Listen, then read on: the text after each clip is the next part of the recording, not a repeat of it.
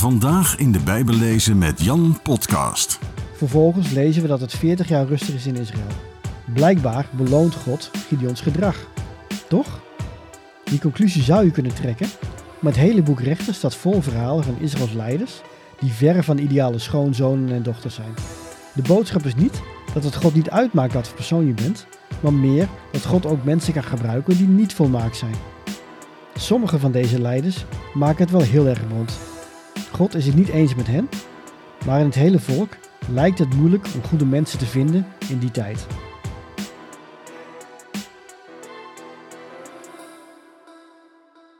Welkom terug bij de Bijbellezen met Jan podcast. Leuk dat je samen met mij in de Bijbel wilt lezen. We zijn bezig met een korte themaserie over Bijbelse verhalen. De meeste van ons zijn wel bekend met één of meer verhalen uit de Bijbel. Zeker als je een christelijke opvoeding hebt gehad of naar een christelijke school ging. Dat heeft zowel een voor- als een nadeel. Het voordeel is dat je bekend bent met de Bijbel, maar het nadeel kan zijn dat je overbekend bent met de Bijbel. Oftewel, je kent de Bijbel eigenlijk te goed om het nog tot je laten doordringen. Een ander risico is dat je alleen de kinderbijbelversie van een verhaal kent. Neem het verhaal van de profeet Jona. Hij werd geroepen om naar Nineveh te gaan en de mensen daar op te roepen zich te bekeren van hun zondige wegen. Hij was koppig en ging juist de tegenovergestelde kant op. Hij probeerde te vluchten van God, ging met de boot weg en werd vervolgens opgeslokt door een vis. Na drie dagen nadenken in de buik van de vis besloot hij toch maar om gehoor te geven aan Gods opdracht. Hij ging naar Nineveh en de mensen bekeerden zich na het horen van zijn boodschap.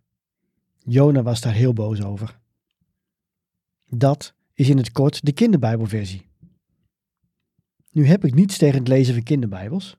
Sterker nog, als je de echte Bijbel lastig vindt, lees dan vooral een kinderbijbel. Maar het echte verhaal van Jona gaat veel dieper. Het is eigenlijk opvallend dat Gods woordvoerder, want dat is een profeet, zich tegen God keert. Hij zou toch moeten weten dat je gehoorzaam moet zijn? Aan de andere kant, als je beseft dat Nineveh de hoofdstad was van Assyrië en dat Assyrië een volk was dat andere volken terroriseerde, begrijp je het misschien weer wat beter. Het is hetzelfde als dat wij nu naar Teheran in Iran, naar Mekka en Saudi-Arabië of naar Pyongyang in Noord-Korea zouden gaan, om daar vervolgens openlijk te vertellen dat iedereen zijn leven aan Jezus moet geven. Dat is levensgevaarlijk. En dan de drie dagen die Jona doorbracht in de buik van de vis, die verwijzen dus weer naar de drie dagen die Jezus doorbracht in het graf. Kortom, Bijbelse verhalen bevatten veel meer diepgang dan je bij een eerste lezing beseft. Door de manier waarop de Bijbel verhalen optekent, krijgen wij het gevoel dat we te maken hebben met sprookjes. Dat zijn verhalen die misschien wel een kern van waarheid bevatten, maar ze zijn niet echt gebeurd en je kunt ze ook negeren, want de werkelijkheid is veel complexer dan in de Bijbel. Als je zo denkt, dan begrijp ik dat. Maar ik weet ook wat het probleem is. Je weet niet goed hoe je een verhaal in de Bijbel moet lezen. En daar hoop ik je met deze themaserie over Bijbelse verhalen mee te helpen. Als je hier verdieping bij zoekt, lees dan vooral mijn boek Ik leer je de Bijbel lezen. Je kunt hier meer over vinden op bijbellezenmetjan.nl slash boeken. In de vorige aflevering van de podcast hadden we het over het plot van Bijbelse verhalen. Wat gebeurt er in het verhaal? Hoe wordt het verteld? Dat is het eerste. Het tweede is, hoe past dit verhaal binnen het gedeelte van de Bijbel dat je aan het lezen bent? En het derde, waar zit dit verhaal op de tijdlijn van de Bijbel? Als je naar het plot van het verhaal kijkt, dan zoom je dus eerst in en vervolgens zoom je uit. We gaan dit straks nog een keer doen aan de hand van een voorbeeld. Maar eerst wil ik het met je hebben over het andere belangrijk onderdeel van Bijbelse verhalen: personages. Personages zijn de mensen die in het verhaal voorkomen, al kunnen soms ook dieren een personage zijn. God is eveneens een personage in de Bijbel. Daar komen we straks nog wel op terug. Maar laten we ons eerst richten op menselijke personages. Heb je je wel eens afgevraagd waarom God ons een boek heeft gegeven dat voor het overgrote deel uit verhalen bestaat? Onze wereld is radicaal anders dan de wereld in de tijd van de Bijbel. Was het niet handiger geweest als God ons gewoon een samenvatting had gegeven met de belangrijkste regels? Nee, want God wil een relatie met ons. En hoe bouw je een relatie? Door elkaar te ontmoeten, door samen te praten en samen dingen te beleven. Maar onze tijd op aarde is zo kort. Wij kunnen nooit alles beleven wat God ons mee wil geven. Daarom heeft Hij ons de Bijbel gegeven, zodat we Hem kunnen leren kennen. Niet alleen door onze eigen ervaring en onze eigen gesprekken met God, maar ook door te zien wat God in het verleden heeft gedaan en heeft besproken met andere mensen. Die verhalen zijn essentieel omdat daarin mensen voorkomen die net als jij en ik met God te maken hadden. Ze leefden in andere tijd en cultuur, maar ze waren net zo menselijk als jij en ik. Ze hadden dezelfde behoeften, dezelfde zorgen en dezelfde vreugden als wij. En ze stonden ook voor dezelfde keuzes. Kijk, wij vragen ons vaak af: hoe maken we de Bijbel relevant voor ons leven? Dat is dus eigenlijk heel simpel. Verplaats jezelf in de Bijbel. Hoe doe je dat? Vooral door te kijken naar de Bijbelse verhalen en je te identificeren met de mensen daarin. Die Bijbelse figuren zijn de brug tussen onze wereld en de wereld van de Bijbel. Laten we aan de hand van een Bijbels verhaal eens kijken hoe dit werkt. Ken je het verhaal van Gideon? Gideon was een rechter van Israël in de periode nadat Israël begonnen was met het innemen van het beloofde land. Een rechter is in dit geval niet iemand die criminelen veroordeelt, maar iemand die het volk leidt. Hij was geen koning, maar wel een militaire leider die door God werd gebruikt om Israël te beschermen of te bevrijden van zijn vijanden. In de Kinderbijbelversie is Gideon de man die zeker wilde weten dat God met hem sprak. Hij vroeg God om een teken. Hij zou s'nachts een kleed in het gras leggen en als God echt met hem had gesproken, dan zou de volgende ochtend het kleed nat zijn, maar het gras eromheen niet. En dat gebeurde ook. Maar de volgende nacht vroeg hij opnieuw om een teken. Dit keer zou de grond nat moeten zijn en het kleed niet. Opnieuw luisterde God en Gideon was ervan overtuigd dat God hem daadwerkelijk riep om de vijand te verslaan. Eerst trok hij op met een groot leger. Maar uiteindelijk dunde God het aantal manschappen uit tot slechts 300. Met dit kleine aantal wist hij de vijand te verslaan, omdat God verwarring onder hen stichtte. Wat kunnen wij hiervan leren? Nou, dat lijkt me simpel. Dat je God om een teken moet vragen als je het niet zeker weet. En dat als je op God vertrouwt, hij grote dingen zal doen. Maar, is dit het volledige verhaal? We gaan zo het verhaal van Gideon doornemen. Maar laat me je drie handvaten geven om een Bijbels personage te doorgronden. Als eerste, kijk naar de naam en zoek op wat deze betekent. Een naam van een personage zegt vaak veel over de rol van die persoon in de Bijbel. De naam Abraham bijvoorbeeld betekent verheven vader of vader van een menigte.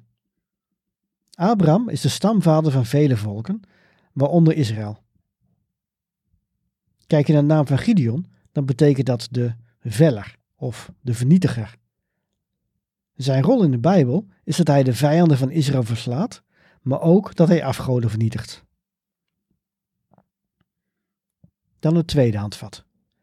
Kijk naar wat er gebeurt in het verhaal, het plot dus, en dan naar hoe het personage hierop reageert.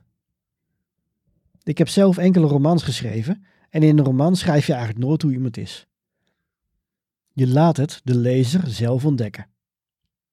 Het personage onthult zijn of karakter door de keuzes die worden gemaakt. Of het iemand zichzelf op, of kiest hij voor zijn eigen hachje bijvoorbeeld. Dan het derde handvat. Wat zegt iemand en komt het overeen met zijn daden? Kijk je naar koning David, dan lijkt hij gedurende zijn leven zijn vijanden te vergeven, maar op zijn sterfbed vertelt hij zijn zoon Salomo wie hij zo snel mogelijk om het leven moet laten brengen.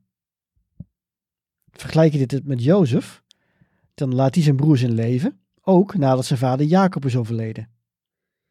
Jozef lijkt dus meer integriteit te hebben dan David. Maar goed, laten we Gideon als voorbeeld gebruiken. Zijn verhaal in de Bijbel begint nadat God via een profeet heeft laten weten dat het volk geen vrede kent omdat het zich niet aan Gods wet houdt. En dan volgt dit stuk. We lezen het uit Rechter 6 of Richteren 6. Toen kwam de engel van de Heer en hij nam plaats onder de terebint bij Ofra op het land van Joas, een afstammeling van Abiezer. Joas' zoon Gideon was juist bezig tarwe te dorsen. Om ervoor te zorgen dat de Midianieten de tarwe niet zouden zien, deed hij dat in de wijnpers. De engel van de Heer vertoonde zich aan hem en zei: De Heer zij met je, dappere krijgsman. Mag ik u vragen, antwoordde Gideon, als de Heer ons werkelijk bijstaat, waarom overkomt dit ons dan allemaal? Waar blijft hij dan met zijn wonderbaarlijke daden, waarover onze voorouders hebben verteld? Uit Egypte heeft hij ze geleid, zeiden ze toch? Maar nu heeft hij ons in de steek gelaten en uitgeleverd aan de Midianieten.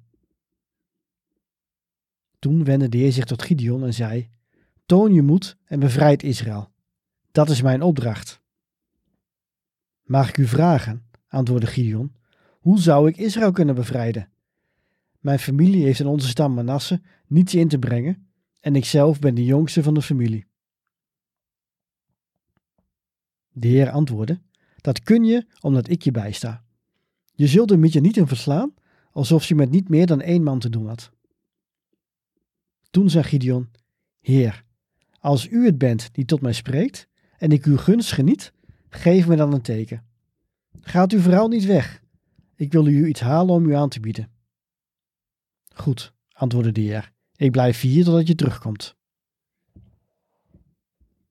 Gideon ging snel naar huis, maakte een geitenbokje klaar en bakte ongedezen brood van een eva tarwebloem.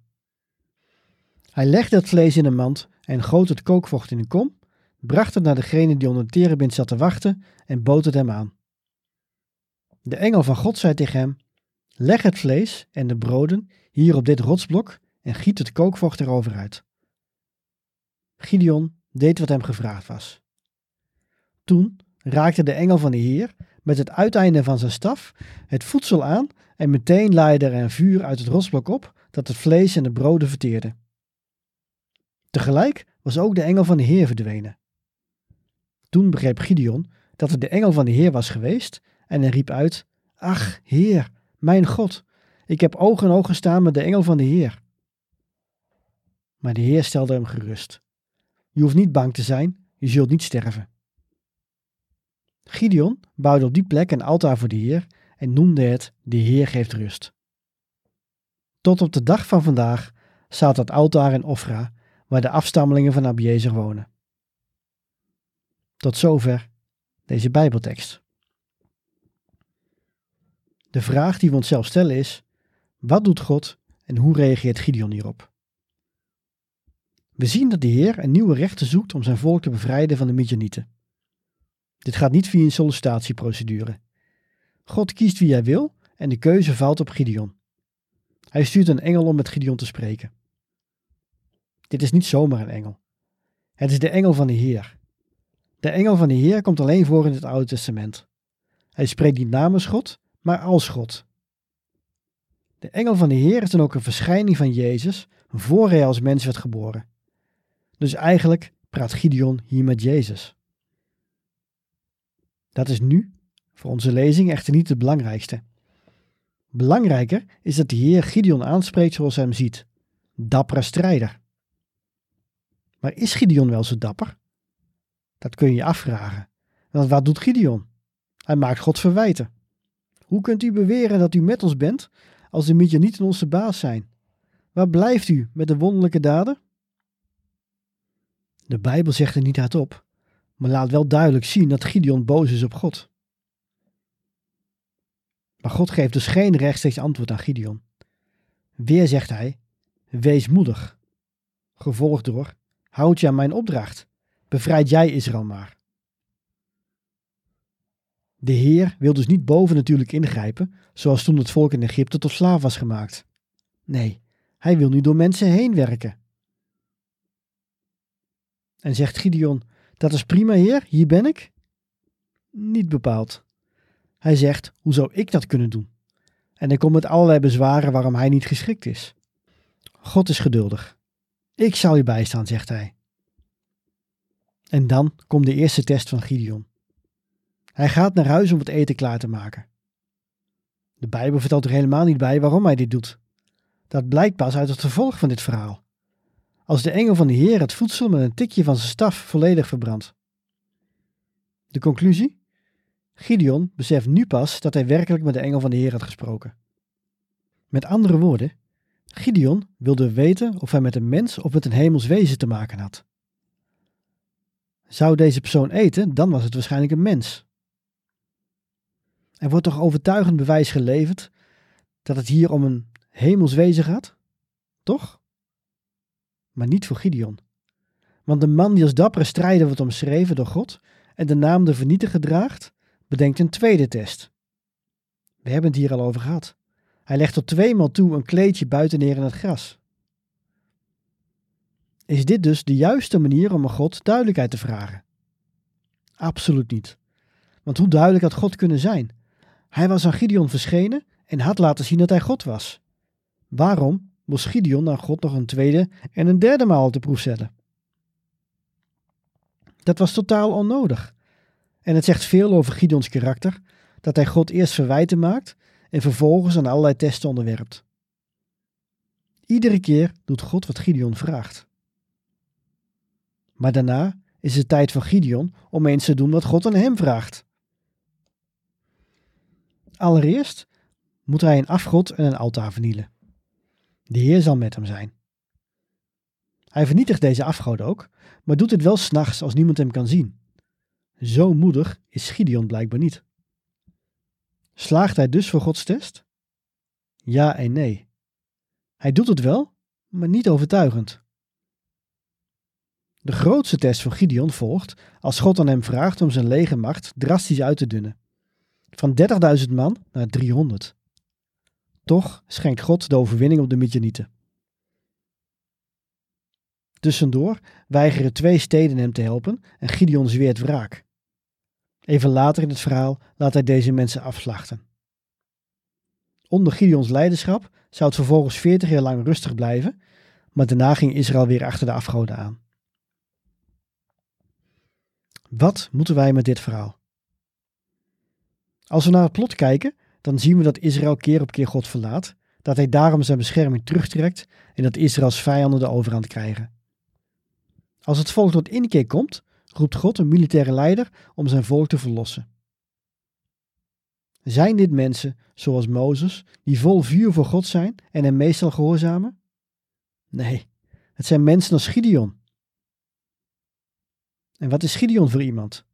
Nou, hij maakt God allerlei verwijten. Hij weigert Gods opdracht.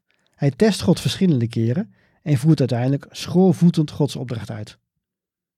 Als hij dan de overwinning heeft behaald, laat hij een grote groep bangrikken afslachten. Is Gideon dus een goede leider of zelfs maar een goed mens? Lastig. Hij komt over als een twijfelaar, maar voert Gods opdracht wel uit. Hij doet ook iets wat God helemaal niet heeft bevolen. Hij laat mensen vermoorden die te bang waren om met hem op te trekken. Het is dus allemaal niet zo zwart-wit. En juist dat maakt dat we ons zo goed kunnen verplaatsen in Gideon. Wat als God aan ons een moeilijke opdracht geeft, voeren we die dan zonder bezwaren uit? Of maken we God eerst verwijten?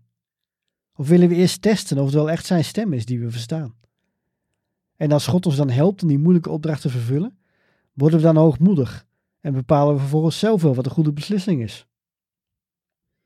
Er was geen enkele reden voor Gideon om al die mensen te doden die tot zijn eigen volk behoorden. Toch veroordeelt de Bijbel die niet expliciet. Weet je waarom niet? Omdat de Bijbel niet preekt. De Bijbel zegt zelden wat je ergens van moet vinden.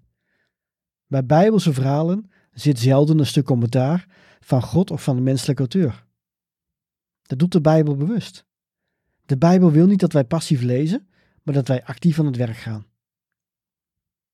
Als je bij zo'n gedeelte komt over die massamoord, moet je eigenlijk denken: ja, maar wat vindt God hiervan? Waarom is dit nodig, Gideon? Je hebt net met 300 mensen een heel groot vijandelijk leger verslagen. Waarom dwing je dan mensen met je op te trekken die bang zijn? En als ze dat vervolgens niet doen, moet je dan zo bloedige wraak nemen? Deze anekdote over die massamoord is opgenomen in het boek Rechters omdat het iets zegt over Gideons karakter en het karakter van de mens. Vervolgens lezen we dat het 40 jaar rustig is in Israël. Blijkbaar beloont God Gideons gedrag. Toch? Die conclusie zou je kunnen trekken, maar het hele boek Rechters staat vol verhalen van Israëls leiders die verre van ideale schoonzonen en dochters zijn. De boodschap is niet dat het God niet uitmaakt wat voor persoon je bent, maar meer dat God ook mensen kan gebruiken die niet volmaakt zijn. Sommige van deze leiders maken het wel heel erg bond. God is het niet eens met hen, maar in het hele volk lijkt het moeilijk om goede mensen te vinden in die tijd. Dus gebruikt God de mensen die er wel zijn, zelfs als ze niet voldoen aan onze standaard. Wij willen graag zeggen dat persoon A goed is en persoon B fout. Maar zo simpel is het dus niet. Abraham en David waren mannen van geloof, maar begingen ook grote fouten met de consequenties die we vandaag de dag nog steeds voelen. Als Abraham op God had vertrouwd, had hij nooit zijn slavin Hagar zwanger gemaakt en dan hadden we nu geen conflict in het Midden-Oosten gehad. Dit is wel simplistisch gesteld, maar dat is toch wel de conclusie. Samenvattend dan. Bijbelse verhalen zijn geen preken. Ze vertellen over een gebeurtenis, vrijwel altijd zonder commentaar te geven. Je moet daarbij kijken naar het plot, dus wat gebeurt er, en hoe de personages daarop reageren. Zowel de mensen als God zijn personages. Daarbij kun je jezelf bij het lezen afvragen: wat zegt dit gedeelte over God en wat zegt dit over de mens? Een Bijbels personage kun je doorgronden door te kijken naar de naam, maar vooral ook door te kijken naar wat hij of zij zegt en doet. En dan met name naar hoe hij of zij reageert op de gebeurtenissen. Probeer jezelf vervolgens te verplaatsen in die persoon in de Bijbel. Realiseer je ook dat sommige verhalen in de Bijbel bedoeld zijn als voorbeeld. Zo van, zo moet het. Maar andere verhalen zijn een waarschuwing. Zo moet het dus niet. Maar hou ook voor ogen dat mensen in de Bijbel nooit 100% goed of 100% fout zijn. Hier laten we het bij voor vandaag. Misschien kun je zelf het verhaal van Gideon nog eens helemaal lezen. Het begint dus in rechter 6. In de volgende aflevering van de podcast gaan we het hebben over de rol van locaties in de Bijbel. En nogmaals, als je meer wilt weten over hoe je de Bijbel moet lezen, lees dan mijn boek Ik leer je de Bijbel lezen. Je kunt het vinden op bijbellezenmetjan.nl slash boeken. bijbellezenmetjan.nl slash boeken. Ik wens je veel zegen.